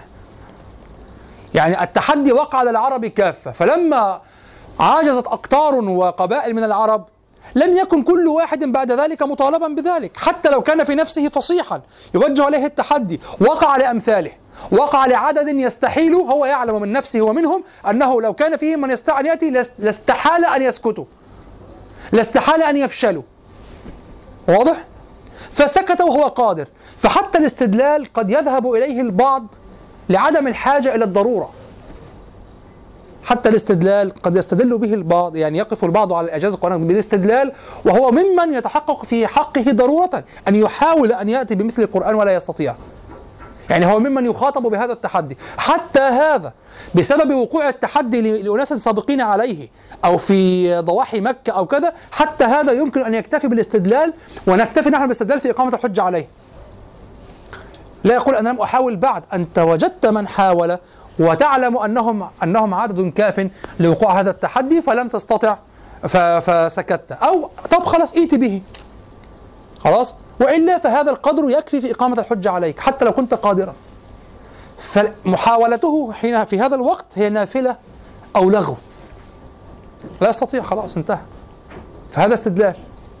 فحتى في العصر القديم ليس الفصحاء ليس كل واحد هكذا الفصحاء واحدا واحدا سيطالبون بالتحدي الضروري وإنما هو المجتمع الذي فيه الفصحاء. فحتى بعض الفصحاء يستدلون كما يستدل الأعاجم ومن هم دون الفصاحة التي تدرك إعجاز القرآن. فهمتم؟ قال فلا يطالب كل أحد يعني واحدا واحدا فلا يطالب كل أحد أن يقف على إعجازه بقريحة نفسه. فالناس يتفاوتون في إدراك ذلك. ومثالنا الأوضح هو الأعجمي الذي تقوم عليه الحجة إن حتى لو لا يتفاوتون. شخص من أفصح العرب فصيل من الطبقة العليا ووجد زملائه من الطبقات الأخرى عجزوا. خلاص هو علم أنه يعجز. ومثالنا الأوضح هو الأعجمي الذي تقوم عليه الحجة بإعجاز القرآن للعرب فهو يقف على إعجازه استدلالا لا ضرورة لأنه ليس أهلا للتحدي المباشر من الأصل. ويلحق به من لم يكن متناهيا في الفصاحة يقول الباقلاني صفحة 25 يقول وكذلك وكذلك لا يعرف المتوسط من أهل اللسان من هذا الشأن ما يعرفه العالي في هذه الصنعة. فربما حل في ذلك محل الأعجمي في ألا تتوجه إليه الحجة حتى يعرف عجز المتناهي في الصنعة عنه. يعني حتى في الجاهليين ليس كل واحد يطالب. طب ألا يقع من هؤلاء بعض هؤلاء السفهاء من هم شعراء فيتحدوا فيأتوا بالنصوص؟ ولا يصح هنا كلام الجاحظ ومحمود شاكر في أنه لا يمكن أن يؤتى بنص إطلاقا هكذا؟ ده مسيلمة الكذاب أتى بكلام. لكن أيضا لم ينقل إلينا في ظني لم ينقل إلينا. هذا الكلام أراه موضوعا يعني عليه موجود. قال وكذلك لا يعرف المتوسط من أهل اللسان من هذا الشأن ما يعرفه العالي في هذه الصنعة. فربما حل في ذلك محل الأعجمي في ألا تتوجه عليه الحجة حتى يعرف عجز المتناهي في الفصاحة عنه. وكذلك ثم يقول وكذلك لا يعرف المتناهي في معرفة الشعر وحده أو الغاية في معرفة الخطب أو الرسائل وحدها من غور هذا الشأن ما يعرف من استكمل معرفة جميع تصاريف الخطاب ووجوه الكلام وطرق البراعة. فلا تكون الحجة قائمة على المختص ببعض هذه العلوم بانفراد دون تحققه لعجز البارع في هذه العلوم كلها. فأما من كان متناهيا في معرفة وجوه الخطاب وطرق البلاغة والفنون التي يمكن فيها إظهار الفصاحة فهو متى سمع القرآن عرف إعجازه طيب. ثم يبين الباقلاني أن المتناهي في الفصاحة ومعرفة أساليب الكلام. شفت ماشي؟ وقت ماشي خلص. سكت شوية. ثم بين الباقلاني أن المتناهي في الفصاحة ومعرفة أساليب الكلام لو سمع القرآن فعلم عجز نفسه فإنه يعلم عجز غيره كذلك. فعلم عجز فإنه يعلم عجز غيره كذلك. يعلم أن حاله وحال غيره في هذا الباب سواء إذ ليس في العادة مثل للقرآن يجوز أن يعلم قدره أح... يجوز أن يعلم آه. آه يجوز أن يعلم قدرة أحد من البلغاء عليه وجرى مجرى ما يعلم أن إخراج أو ما يعلم أن إخراج اليد البيضاء من ال... أن إخراج اليد البيضاء من الجيب خارج عن العادات فهو لا يجوزه من نفسه وكذلك لا يجوز وقوعه من غيره إلا على وجه نقد العادة. نقطة مهمة. مرة أخرى. ثم بين الباقلاني أن المتناهي في الفصاحة ومعرفة أساليب الكلام. لو سمع القرآن فعلم عجز نفسه فإنه الآن معكوسة. نأتي إلى الفصيح نفسه. هذا الفصيح. إذا كان أهل أهل السحر في مصر فيم فرعون أهل السحرة السحرة يعلمون عجز أنفسهم أو علموا عجز أنفسهم أمام التحولات الحقيقية التي في عصا موسى. واضح؟ فهم يعلمون كذلك عجز العوام. ثم بين الباقلاني أن المتناهي في الفصاحة ومعرفة أساليب الكلام لو سمع القرآن فعلم عجز نفسه فإنه يعلم عجز غيره كذلك. يعلم أن حاله وحال غيره في هذا الباب سواء إذ ليس في العادة مثل للقرآن يجوز أن يعلم قدرة أحد من البلغاء عليه. وجرى مجرى ما يعلم يضرب لها مثال. وهذا نص أيضا من البقلانية وضعته بين قوسين. وجرى مجرى ما يعلم أو ما يعلم أن إخراج اليد أن إخراج اليد البيضاء من الجيب خارج عن العادات. ما أخرج موسى يده من جيبه الجيب يعني هكذا هنا. فهو فهو لا يجوزه من نفسه. وكذلك لا يجوز وقوعه من غيره إلا على وجه نقد العادة. ونقد العادة لا يكون إلا مرتبطا بالقدرة الإلهية. ثم أورد الباقلاني نصوصا تدل على أن الفصحاء يدركون إعجاز القرآن وتكون معرفتهم حجة عليهم. وهي النصوص المعهودة عن عن شيبة وعتبة بن أبي ربيعة وأبي سفيان بن حرب وأبي جهل. قرأنا كل هذه النصوص. وإسلام عمر بسماعه سورة طه وقصة ورود جبير بن مطعم على النبي صلى الله عليه وسلم وسماعه من سورة الطور من سورة الطور وأنه قال خشيت أن يدركني العذاب فأسلم. يعني كل هذا يستدل به البقلاني على أن الفصحاء يدركون إعجازه يدركون إعجاز القرآن وأنهم يعجزون عنه وأن معرفته حجة عليهم وستكون حجة على غيرهم كذلك. واستدل بهذه النصوص. لكن على التفصيل هذه النصوص فيها مشكلات. وقفنا عليها من قبل. على التفصيل. وأخذنا فيها مجالس يعني. ثم يورد الباقلاني شبهة إذا كان حال الفقهاء الفصحاء. يقول شبهة. تورد على الكلام. إذا كان حال الفصحاء العالين مع القرآن على ما قلتم لوجب أن يكون موقفهم عند سماع القرآن واحدا وهو الإسلام. الفصحاء أنت جزمت بأنهم يدركون الإعجاز. نعم هي إقامة الحجة. إقامة الحجة طبيعي إقامة الحجة لن تقوم الحجة إلا إذا جزمت بأنها قد قامت وأنه قد فهم. بالمناسبة هذه قضية مهمة جدا قضية إقامة الحجة والبرهان آه، سهلة في الأساتذة جدا إقامة الحجة عليه إنه يكابر. لا لا تصل إلى هذا إلا عند شيء أنت تجزم وتقطع وغيرك يجزم ويقطع بأنه بالفعل لا أي شخص عاقل يعني بأنه أو شخص عادي بأنه هنا لا يمكن أن لا يمكن أن أن يخالف أحد إلا إذا كان يكابر. يعني تواتر القرآن إنكاره مكابرة. سؤال جاءني بالامس غريب جدا جدا. أنا ما زلت أفكر في كيف رد الجواب عنه. هو السائل سائل يعني طيب النية يعني لكن أنا أريد أن أجيب سؤال. ما الأدلة؟ يعني أريد أن أشرح الأدلة على تواتر القرآن. يعني أريد أن آتي بأدلة على الدليل المتواتر القطعي. سيظل التواتر إذا ظنيا انت فهمتم؟ يعني إذا لم يكن القرآن متواترا والتواتر واضح كالشمس فكيف هناك أدلة تسأل يعني هو يسأل أهل الذكر على نيته يعني يسأل أهل الذكر فأهل الذكر يعني يختص بالعلم بالأشياء الدقيقة فأنت تحتاج إلى شيء دقيق. أن أخبرك بأدلة التواتر فكأنني إذا قلت لك أدلة تواتر القرآن تقول الحمد لله إذا القرآن قطعي. كيف قطعي وأنت سألت أصلا شخصا أظهر لك المخفية؟ كيف أدلة على الشمس وهي الدليل؟ ما الدليل على وجود هذه الشمس؟ تعالوا نفكر يا جماعة.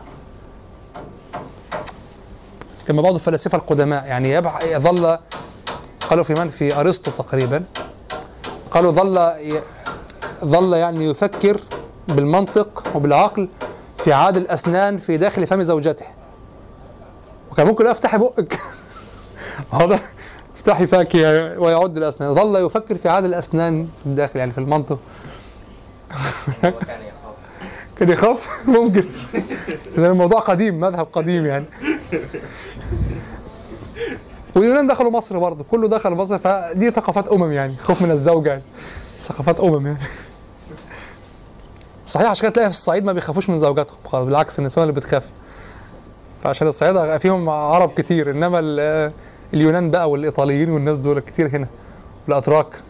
والأتراك النساء التركيات يعني ما يغرقش الجمال التركي اللي أنت شايفه ده. غليظة جدا تركيا غليظة جدا يعني غليظة غليظة قوية يعني. مصرية طيبة والله ما نوعا. نوعا. مش كله. مش كله. ما تعممش ما تعممش مش كلها طيبة. المهم فكيف أنت تحتاج إلى دليل على التواتر؟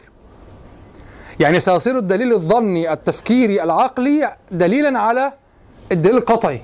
سيظل هذا هذا أصلا ثبوته برمته هكذا ثبوته ظني أصلا. فلا جواب على التواتر. واضح؟ طيب. إذا كان حال الفصحاء العالين مع القرآن على ما قلتم لوجب طب قضية البرهان قضية مهمة جدا. كما قل لي سهل في سهل جدا أن نقول أقمت البرهان عليه أقمت البرهان عليه أقمت الحجة عليه. لا ده نص علماء الكلام علماء التوحيد على أن بلوغ الدعوة شرط فيها البيان. يعني هل هناك من هم في زمان من أهل الفترة؟ آه يوجد طبعا. كثير من الأوروبيين والقبائل البعيدة في إفريقيا وكذا من أهل الفترة طبعا لا يفهمون شيئا لا يعرفون شيئا يعرفون دينا أصلا. لم يبلغهم دين بل أو بلغهم مشوها فهو في حكم عدم المبلغ. أو بلغهم من من ضعيف من شخص لم يفصح لم يبين أو بين خطأ. فلا تقل بينت له. أقمت الحجة عليه. لا مش سهل أقمت الحجة. هل أقمت البراهين بالفعل وكذا وكذا؟ لكن الفصحاء قام عليهم البرهان. فلماذا لم يسلموا؟ هذا هذه الشبهة التي طبعا البقلاني يطرح شبهات يجمعها وكثير منها ضعيف جدا جدا. لأن هذه القضية نفس قضية إقامة البراهين على المكابرين. كبروا. علموا وكبروا. وهناك نصوص يدرسها الأطفال في الأزهر نعلم أنه رسول الله وأنه الحق ولكن س- سنحاربه وكذا. وقع من القرشيين ووقع كما قال أبو لهب كان يعرف صدقه ووقع من وقع من من اليهود قطعا. أهل الكتاب عندهم خبره وعندهم علاماته. وما وما نفعل؟ نحاربه. واضح؟ عمه أبو طالب. عمه أبو طالب في الأخير هو شوف قضية السيطرة سيطرة الجاهلية القبلية على النفسية. قبل أن يموت على دين أبي طالب على دين قريش. لماذا أن سيطرت عليه فكرة الناس أحاديث. فهمتم لماذا كان الناس يسجلون أنفسهم في قصائد؟ الناس أحاديث. عمر الرجل الرجل الجاهلي عمره ليس فترة حياته. هم المبدأ عندهم الناس أحاديث. فهو فكر أن تستلقى الله الآن وتعلم الحق وكذا. لا تظن انك أنك ستتحملها النار. لكن فكر في ماذا؟ أين كان عقله وقلبه؟ مع سيرته في قريش. أنت مقبل دع قريشا وراء ظهرك. أنت مقبل على الله. يا عم قلها كلمة أحاج لك بها عند الله. فأخبر النبي صلى الله عليه وسلم أنه أخف أهل النار عذابا وأنه في ضحضاح من نار يغلي منه دماغه. أعوذ بالله. وهذا أخف أهل النار عذابا. يا أخي كلمة. كلمة يا أخي كلمة. سبحان الله تعرف أنها أنها توفيق من الله سبحانه وتعالى. كلمة. سبحان الله.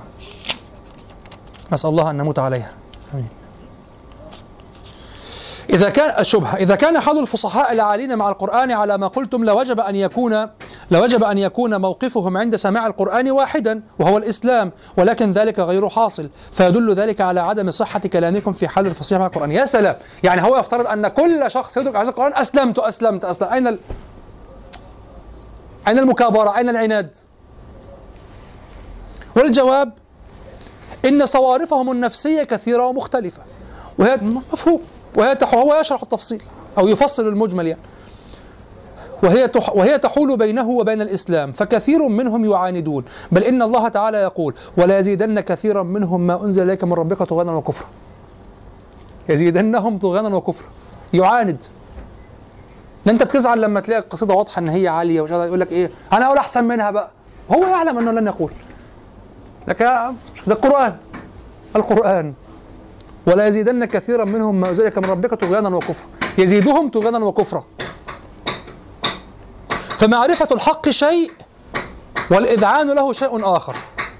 وقد أقر اليهود بعرفانهم أن النبي صلى الله عليه وسلم هو الرسول حقا. وها ومع هذا الإقرار اتفقوا على منابذته. آه. ثم أورد البقلاني شبهة الصرف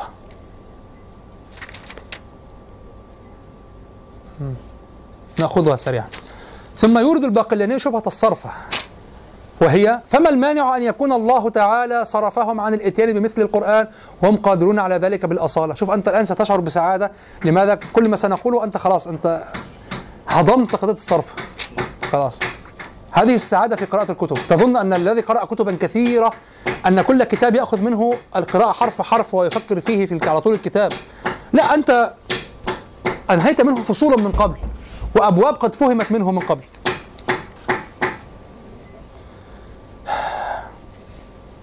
فكان جواب الباقلاني فما المانع أن يكون الله تعالى صرفهم عن الإتيان بمثل القرآن وهم قادرون على ذلك بالأصالة؟ فكان جواب الباقلاني لو كان هذا الوجه صحيحا لكان الأقوم بالحجة أن يأتي القرآن محطوط البلاغة ضئيل الفصاحة في النظم.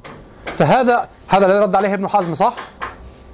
فهذا أولى في إقامة الحجة. فليس هناك معنى من مجيء القرآن بليغا رفيعا في هذه المرتبة الرفيعة من البلاغة والفصاحة والفصاحة مما لا يجادل فيه أحد وتكون معجزته الصرف عنه يعني ال- القرآن على هذه المرتبة من الفصاحة والبلاغة ثم ما المعجزة؟ الصرف. فما فائدة هذه البلاغة؟ الأقوى من الحجة أن تجعله نصا عاديا جدا جدا جدا. كما قالوا في النزاع بين ال- الجمهور والمخالفين الجمهور يفضل النظم على النثر. والبعض يفضل النثر على النظم. واضح؟ فالبعض يقول البعض يقول كالمرزوقي في مقدمته على ديوان الحماسة مقدمة أدبية مالك مالكم يا جماعة؟ عشان اللي بيدوق ده؟ خلاص تجاهلوه. آه آه بيعزف يعني. تجاهلوه تجاهلوه. تجاهلوه. تعبان عايز لا هو عايز لا لا لا هو يبرد عادي براحته. ابرد يا ولد ابرد واضح. آه فيجاب عن هذا بماذا؟ يقال إن ال... إن ورود القرآن على صيغة النثر الذي التي هي أقل شأنا من صيغة ال- النظم الشعري عند العرب هو من باب إقامة الحجة أننا جئنا بكلام هو في الظاهر من جنس الكلام الأقل شأنا عندكم ومع ذلك فاق الكلام الأعلى شأنا. مثل ماذا؟ أمية النبي صلى الله عليه وسلم الأمية في ذاتها ليست شيئا حلوا الأمية في شيئا لكنها حسنت في حق النبي صلى الله عليه وسلم خاصة حتى يخلص القرآن من أي شبهة. حتى يكون ذلك من من دلالات صدق النبوة. أنا لا أكتب لا أخذ عن أهل الكتاب لا أقرأ كتب أهل الكتاب وجئتكم بهذا القرآن علم خالص من عند الله سبحانه وتعالى. هو علم خالص من عند الله سبحانه وتعالى. فكذلك القرآن جاء منثورا والنثر عند العرب أقل من النظم شأنا. فجاء منثورا على هيئة النثر وفي نفس الوقت هو أعلى. فتخلص مما كان سيلحق النثر وحوى أعلى بحد الإعجاز مما هو في النظم عند العرب. ولهذا يعني ذهب طه حسين رحمه الله أو العقاد. طه حسين وهذا غير غير موفق في هذا. لما ذهب قال القرآن لا شعر ولا نثر كلام ثالث. لا هو نثر. قوانينه النثر. ستقول فيه فوا فيه موزون أحيانا ما آه فيه ما يشبه السجعات كذا كذا.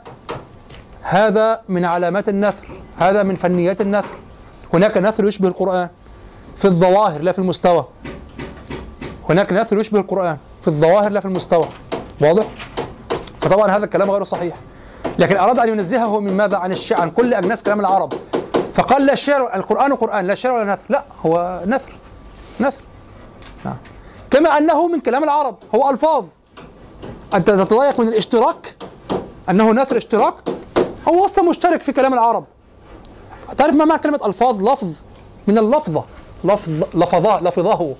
لفظه. هذا معنى اللفظة أصلا. شوف لفظة. لفظتها. أخرجتها ألقيتها من فمك. هذا معنى اللفظة أصلا. لم يستسغ شرابا أو لم يستسغ طعاما لفظه. هذه معنى اللفظة أصلا في كلام. الصوت كلام. فهذه ألفاظ القرآن. لذلك وقعت قضية الحرف والصوت. في عند علماء الكلام العقيدة حنابلة وغيرهم قضية الحرف والصوت وما إلى ذلك. واضح؟ والكلام النفسي وكذا. المهم ف لا القرآن نثر. في الأخير القرآن نثر. وتفوق عليه وتفوق ال- القرآن على النثر العربي والشعر العربي. واضح؟ فلذلك ما الفائدة من أن تأتي نصوص القرآن بليغة بهذا الحد؟ كان الصواب على نفس هذا القانون. كان جريا على هذا القانون كان الصواب ماذا؟ أن يأتي القرآن في أنزل درجات البلاغة ويعجزون عنه فيكتسب التقديس من كونه كلام الله سبحانه وتعالى. ليس من كونه بليغا بلاغة البشر سماها سماها ابن حزم بلاغة البشر. ابن حزم كان مضطردا مع نفسه في هذه القضية. حاول الدكتور أبو موسى أن يجعله مضطربا لا هو غير مضطرب. حاول أن يفعله أن يجعله كذلك وتحامل عليه. لكن كلام أبو موسى كان ظاهر الخطا جدا. ابن حزم كلامه واضح جدا في إنكار في قول بالصرفة وإن كان وقال هذه بلاغة الناس. نعم هو تلاعب بالكلام قليلا تلاعب بالكلام بالفعل على غير يعني حيادية علمية وكذا لكنه ليس مضطربا كما حاول أن يلصقها به الدكتور محمد بن موسى يعني. واضح؟ لا هو نعم هو فعل أفعال ما كان ينبغي أن يفعلها في الكلام لكن آه، يعني تلاعب في الألفاظ قليلا وصادر على بعض الأشياء لكن هو مذهبه واحد ينتصر لمذهب واحد وهو الصرف وأن, القر... وأن هذه البلاغة التي تحاولون بها تقويم القرآن بلاغة بشرية صرف بلاغة بشرية هو ينازع في هذا لكن هو يراها بلاغة بشرية واضح؟ فعلى كلام الباقلاني كان ينبغي أن ينحط هذا النص ليكتسب التقديس من كونه نصا عاديا ليس بليغا لكنه كلام الله. وحينها كان سيقدس. كان سيقدس كما تقدس الكعبة كما يعني كما تعظم الكعبة كما تعظم المسجد كما تعظم تعظم قبر النبي صلى الله عليه وسلم كما تعظم هل أنت تعظم قبر النبي صلى الله عليه وسلم لأنه رسول الله أم لأنه فصيح؟ لأنه الرسول صلى الله عليه وسلم. فيه فيه النبي صلى الله عليه وسلم. واضح؟ كما تعظم الأماكن المقدسة تعظمها ليس لأنها فصيحة. فأسباب التقديس كثيرة. فالقرآن بقدر ما تنزل بلاغته سيثبت بهذا النزول أنه كلام الله واضح؟ من يذكر ماذا بماذا رد ابن حزم على هذا الكلام؟ هذا رد به هذا قاله ابن حزم قال ابن حزم كلامه يرد قال هذا من بلاغة البشر بماذا رد ابن حزم على هذا الكلام تذكرون؟ الدكتور أبو موسى أورد هذا الكلام ابن حزم كان سيرد على هذا الكلام. لا أذكر الكلام. ربما نأتي به في مرة قادمة إن شاء الله. هناك علاقة بين الكلامين. كأن ربط بينهما الدكتور أبو موسى. نأتي بالكتاب المرة القادمة إن شاء الله. ها؟ كان بيستدل بيه على نفي الصرفة. والدكتور محمد موسى رد على على الاعتراض ده قال ان ان إن لا يلزم إن هو إن هو يبقى كلام القرآن نازل. لا يلزم يعني يعني الدكتور أبو موسى أورد هذا الكلام ردا على ابن حزم.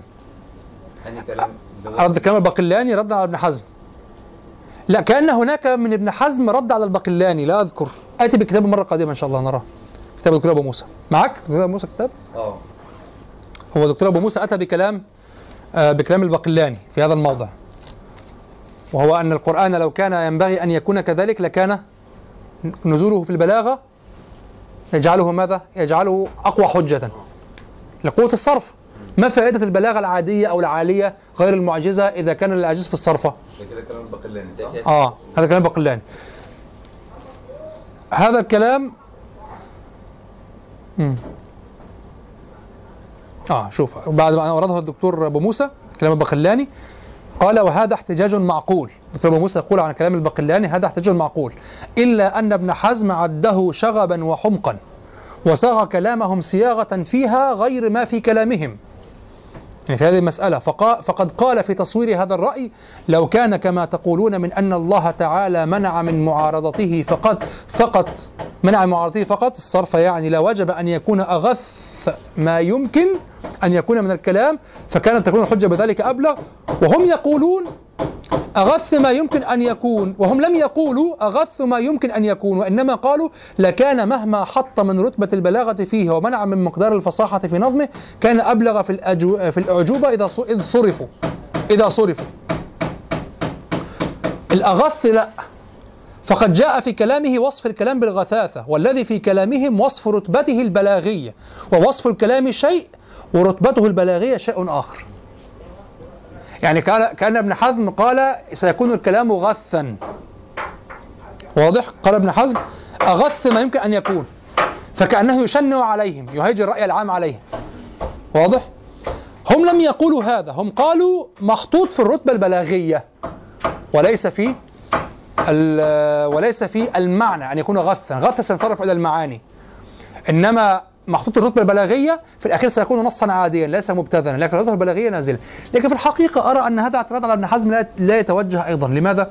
جزاك الله خير يا لأنه يمكن حمل الغثاثة على حمل الغثاثة على البلاغة. هذا اولا.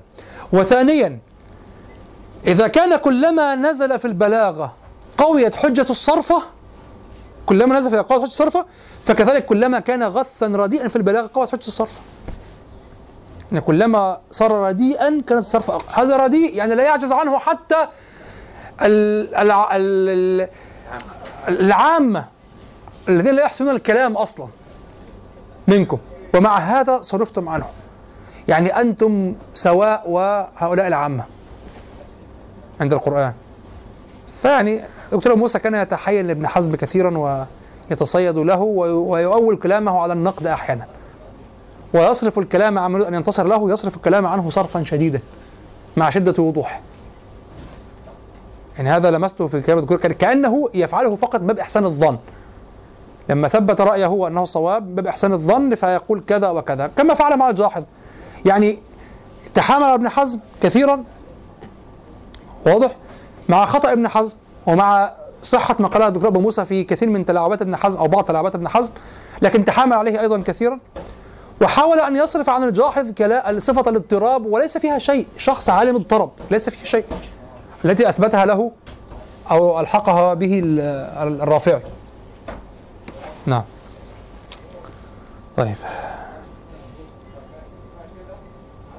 فهذا أولى في إقامة الحجة. فليس هناك معنى من مجيء القرآن بليغا رفيعا في هذه المرتبة الرفيعة من البلاغة والفصاحة مما لا يجادل فيه أحد وتكون معجزته الصرف عنها. صرف عنه. بل الأولى هنا أن يقال لهم هذا هو القرآن. محطوط البلاغة نازل الفصاحة فهو أغرى على أن تأتوا بمثله. ولكنكم حينما أقدمتم على الفعل صرفتم عن ذلك فلا معنى لمجيئه على هذا النظم البديع. كذلك فإن أهل الفصاحة هو يرد على من قال بالصرف طبعا من أفضل من رد على القائلين بالصرفة واستفاض في ذلك عبد القاهر. كذلك فإن أهل الفصاحة المتناهية لو سمعوا كلاما يطمعون في مثله لظهر منهم ذلك ولا بد ولا, أب ولا أبدوا قدرتهم عليه. ولكن هذا لم يحصل. لحظة. كذلك فإن أهل الفصاحة المتناهية لو سمعوا كلاما يطمعون في مثله لظهر منهم ذلك ولا أبدوا قدرتهم عليه ولكن هذا لم يحصل. هنا أعلق قول محمد رشيد بل لو أنهم وجدوا من أنفسهم القدرة على مثله ثم صرفوا عنه لاعترضوا على النبي صلى الله عليه وسلم بأنه سحرهم. هذا كلام عبد القاهر. بأنه سحرهم وأنه تحداهم إلى ما لا قبل لهم باعتبار الأصل. آه برضه. ذكر هذا الوجه عبد القاهر. يعني كنت قرأت عبد القاهر الأول في الذهن. واحد بقى مختلط من الحاجات اللي هو قراها أو اللي هو استنتجها. وأنه تحداهم إلى ما لا قبل لهم باعتبار به باعتبار الأصل. ذكر هذا الوجه عبد القاهر الجرجاني في رسالته. ويذكر الباقلاني وجها زائدا في إبطال الصرفة وهو أنه لو كانت الصرفة هي التي تتحقق بها أو تحقق بها عجزهم لم يتضمن القرآن فضيلة. الفكرة اللي بيكتب خط وحش ده اللي هو أنا. بكتب بسرعة جدا. أجي أقرأه بعاني تلاقي. مش عارف دي تشكيلة ولا نقطتين. طب نقطتين ولا تنوين ويذكر الباقلاني وجها زائدا في إبطال الصرفة وهو أنه لو كانت الصرفة التي تحقق أو تحقق بها عجزهم لم يتضمن القرآن فضيلة في نفسه على غيره. آه القرآن بهذا الشكل لن يتضمن فضيلة. لحظة. لو كانت الصرفة هي التي تحقق بها عجزهم لم يتضمن القرآن فضيلة في نفسه على غيره. أقول هذا كلامي. وعبد القاهر قد أتى بذلك أو بما يشبهه حين قرر أن الذين يقولون إن التحدي لا يجري إلا على أهل العصر الذين حصل فيهم التحدي دون غيرهم ممن جاء بعدهم يلزمهم ألا يجعلوا القرآن معجزا بذاته. آه. فجعل الإلزام بعدم إعجاز القرآن في ذاته دليلا على بطلان تحديد زمن الحجة لأن عدم القول بإعجاز القرآن بذاته أوضح في البطلان. يعني هو عبد القاهر يقول يا من حصرتم التحدي في زمن معين جعلتم القضية في أهل هذا الزمن لو جعلتموها في القرآن فالقرآن في هذا الزمن هو القرآن في بعد هذا الزمن معي؟ القرآن قبل هذا الزمن هو القرآن بعد هذا الزمن صح؟ فأنتم نزعتم الإعجاز عن أن يكون في القرآن بنفسه ولو كان القرآن هو المعجز وليس أن الآخرين فقط عجزوا وأن القضية تتعلق بهم. لو كان القرآن هو المعجز وأن الإعجاز حاصل في مادته لكان القرآن هو القرآن المعجز عند هؤلاء وعند هؤلاء على طول الزمن. لكن لما قلتم هذا التحدي أو هذا العجز يلزم أهل هذا الزمن فقط يلزمكم يلزمكم أن تقولوا إن قضية الإعجاز منفكة عن مادة القرآن. لأنكم لو أثبتموها لمادة القرآن لأجريتموها على طول خط الزمن ولم تحددوا أو لم تحصروا في زمان معين. لكن بقي شيء هنا في أعلق به في كلام على الكلام الباقلاني وهو طبعا كلام عبد القاهر صحيح. لا إشكال كلام عبد القاهر صحيح. في أن نعم لم ي... هو يحاول من يثبتون إعجازه ولكنهم حصروه في زمان معين. فيقول لهم هكذا يلزمكم أنه ليس معجزا لأنه لو كان معجزا في هذا الزمن لازم أن يكون معجزا في غير هذا الزمن حتى لو لم يوجد من يستطيع في ولا واحد في. في هذا الزمن التالي من يستطيع أن يتحدى القرآن أو أن يقع عليه التحدي لضعف لغته مات العرب جميعا وصار فقط غير العرب سيبقى القرآن في نفسه متصفا بماذا؟ كما أن الله سبحانه وتعالى يتصف بصفاته وإن لم تتحقق ما صدقاتها في الخارج على المخلوقات وبعد زوال كل المخلوقات يبقى الله سبحانه وتعالى متصفا بأصل هذه الصفات. واضح؟ لكن تصديقاتها شيء آخر. فكذلك هنا القرآن معجز.